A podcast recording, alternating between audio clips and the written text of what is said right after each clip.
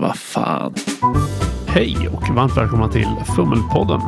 Det här är ett guldkornavsnitt. Jag tänkte kika på det andliga dramarollspelet Den yttersta domen och scenariot Söndrade vi falla skrivna av Joel Månsen Nordström.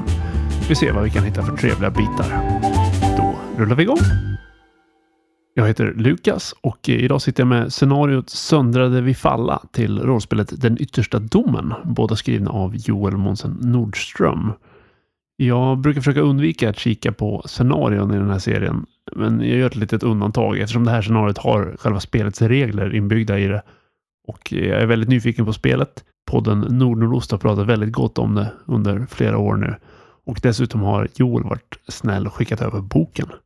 Den yttersta domen är ett eh, dramarollspel om religion och tro, om eh, konflikter för att försöka skapa paradiset. Och eh, Söndrade vid falla är alltså ett scenario till det här spelet. Utspelar sig på 2700-talet i någon slags semi-postapokalyps. Man spelar inflytelserika personer med starka krockande ambitioner. Den här boken är ungefär A5 i storlek, 100 sidor lång, svartvitt inlaga med inslag av gult. Väldigt klassisk stilren layout och eh, stämningsfulla illustrationer av Ronja Melin. Har även ett omslagspapper med lathund och eh, register på innerflikarna. Boken innehåller som sagt regler som man behöver för att spela spelet. Innehåller information om settingen och eh, såklart själva scenariot, rollpersoner, lite tips för spelledande och ett kapitel om eftersnack. Första guldkornet är eh, den yttersta domens sex budord som presenteras i början av boken. Dels passar det väldigt bra med det här religiösa temat. Dels så ger de också en tydlig bild av vad det här är för slags spel och hur man får den bästa upplevelsen av spelet. Jag tycker på många sätt att det här kan vara en bättre approach än det klassiska upplägget med vad är rollspel rubrik. Det här fokuserar väldigt mycket på vad är det här rollspelet? Och jag tycker att eh, budord eller principer som det också kan kallas i andra spel är ett bra sätt att förmedla vad spelet handlar om. I det här fallet är det saker som att man ska vara ärlig mot rollpersonen, spela järvt och lämna sig sårbar, respektera medspelare och arbeta tillsammans och sånt där. Det är även eh, ett budord som är man ska ta reda på vad paradiset är värt. Att man inte ska ha några hemligheter mellan spelare. Eh, och det är inte nödvändigtvis alla de här som är sanna för alla spel. Och det är inte något objektivt vad som är bäst för rollspel. Men det är ju vad författaren anser är bäst för just det här spelet. Och det tycker jag är väldigt upplysande att eh, få ta del av. Jag tycker både att det är informativt när det kommer till att tolka spelet i övrigt och hjälpsamt när det kommer till att spela spelet. Det här är egentligen ett eh, upplägg som jag tycker nästan alla rollspel skulle ha nytta av att eh, arbeta lite grann med. Presentera just visionen för spelet och hur man uppnår bästa möjliga resultat för det specifika spelet.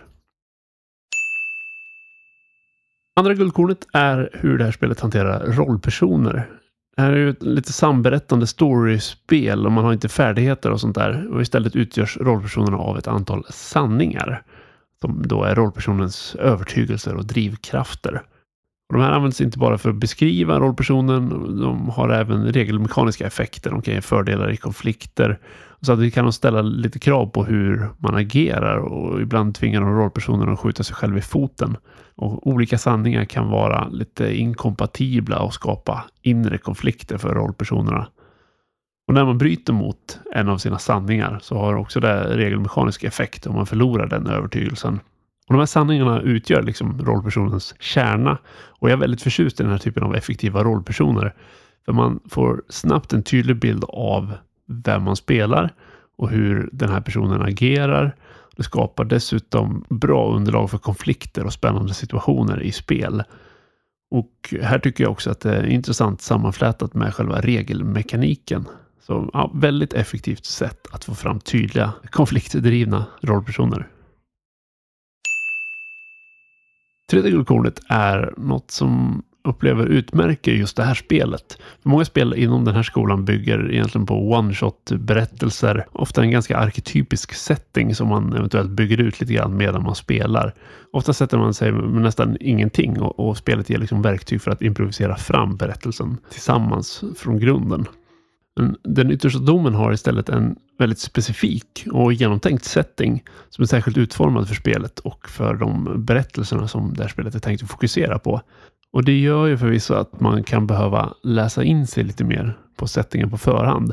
Men det är ju samtidigt andra möjligheter att bygga en värld som känns mer äkta och genomtänkt. Och dessutom bjuder det in lite mer till att fortsätta spela i, göra fler berättelser i samma setting och kanske rent av bygga längre kampanjer. Vilket kan vara ganska sällsynt inom den här typen av spel. Och därtill finns det ju som sagt eh, färdiga scenarion varav Söndrade vi falla är ett. Att eh, istället för att skapa hela berättelsen från grunden tillsammans genom spelets verktyg så finns det här en genomtänkt premiss. Man får färdiga rollpersoner, biroller, startscen och tankar på vad som kan hända och en epilog och sådär. Och det ger ju en mer genomarbetad och sammanhängande berättelse än om man improviserar fram den tillsammans. Det blir en tydligare början och slut. Och eh, jag tycker att det här är en spännande mix av storiespelens dramafokus och de traditionella rollspelens världsbygge och scenarioupplägg.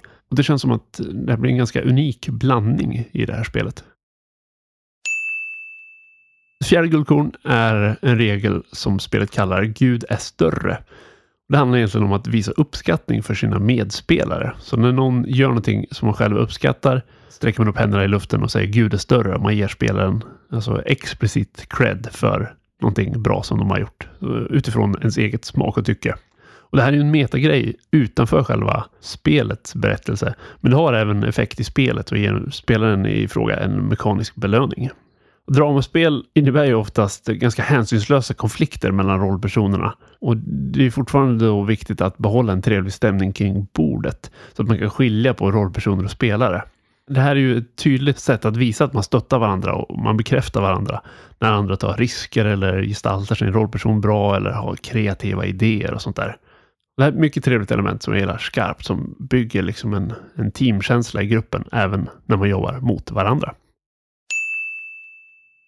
Den eh, yttersta domen är en spännande produkt som sticker ut lite jämfört med andra liknande spel just genom sitt settingbygge och sitt scenariofokus samtidigt som det fokuserar på drama och konflikter. Och eh, Söndrade vid falla känns som ett eh, ypperligt scenario just för den här typen av drama och konflikt. Det märks att det här har varit ett kärleksprojekt under lång tid och det är kul att se att det nu har börjat bli tillgängligt för allmänheten också. Om jag tolkat det rätt, den yttersta domen kommer att släppas som ett fullständigt spel i framtiden. Men tills vidare kan man då spana in scenariot Söndrade vid falla som innehåller alla regler som behövs för att spela. Det går att köpa via spelets hemsida för 230 kronor. Det finns även som pdf på DriveThruRPG för runt 50-lappen. Jag lägger in länkar i avsnittsbeskrivningen. Har ni något ni vill att jag ska kika på? Hör gärna av er.